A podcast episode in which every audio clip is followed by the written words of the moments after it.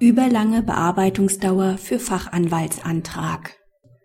Die Bearbeitung eines Antrags auf Verleihung einer Fachanwaltsbezeichnung über knapp fünf Monate kann nicht dadurch gerechtfertigt werden, dass die zuständige Rechtsanwaltskammer die Überprüfung des Antrags durch einen gemeinsamen Fachausschuss bei einer anderen Kammer vornehmen lässt.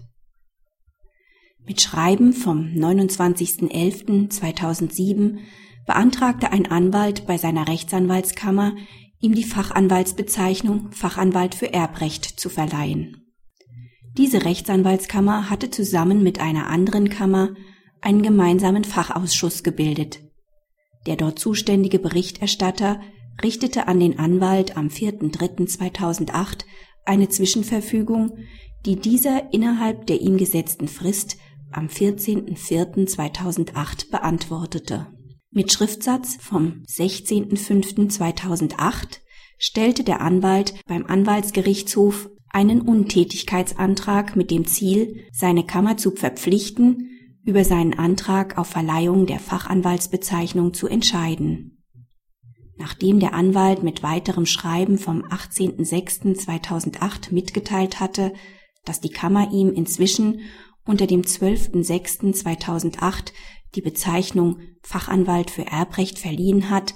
hatte der Anwaltsgerichtshof nur noch über die Verfahrenskosten zu entscheiden. Der Anwaltsgerichtshof Baden-Württemberg rief zunächst in Erinnerung, dass ein Untätigkeitsantrag nach 223 Absatz 2 Brao dann begründet ist, wenn ein Antrag auf Vornahme eines Verwaltungsakts ohne zureichenden Grund innerhalb von drei Monaten nicht beschieden worden ist.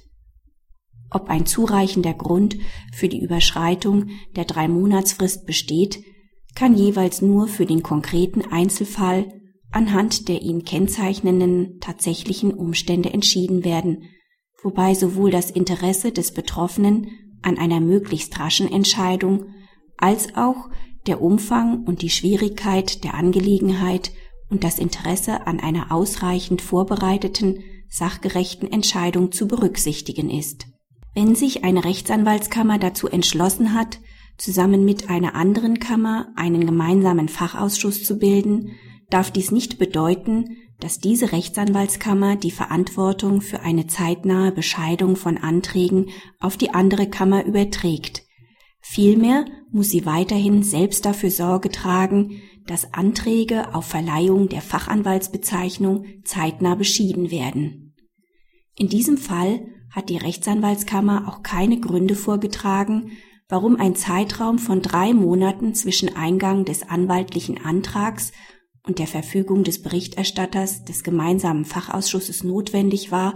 und weshalb seit Beantwortung der gestellten Nachfragen durch den Anwalt am 14.04.2008 nochmals fast zwei Monate verstrichen sind, bis ihm letztendlich unter dem 12.06.2008 die begehrte Fachanwaltsbezeichnung verliehen worden ist. Praxishinweis mit Beschluss vom 5.04.2003 hat der Anwaltsgerichtshof Baden-Württemberg entschieden, dass eine Rechtsanwaltskammer für den Fall der Erkrankung von Mitgliedern eines Fachausschusses geeignete Vertretungsregelungen schaffen und notfalls auch einen weiteren Ausschuss bilden muss, um eine zeitnahe Bescheidung von Anträgen auf Verleihung einer Fachanwaltsbezeichnung zu gewährleisten. Der Umstand, dass die Prüfungsgremien der Rechtsanwaltskammern ehrenamtlich tätig sind, vermag am Rechtsanspruch eines Anwalts auf zügige Entscheidung über seinen Antrag auf Gestattung der Fachanwaltsbezeichnung nichts zu ändern. Mit Beschluss vom 18.04.2007 hat der Anwaltsgerichtshof Koblenz klargestellt, dass für den Fall, dass ein Anwalt gegen seine Kammer Schadensersatzansprüche wegen einer rechtswidrig verzögerten Erteilung einer Entscheidung geltend machen will, dies die Zulassung einer Fortsetzungsfeststellungsklage nicht rechtfertigt. Dem Anwalt steht insofern der Rechtsweg zu den ordentlichen Gerichten offen, die im Rahmen der Schadensersatzklage auch darüber zu befinden haben, ob die Verzögerung einer Gestattung tatsächlich rechtswidrig war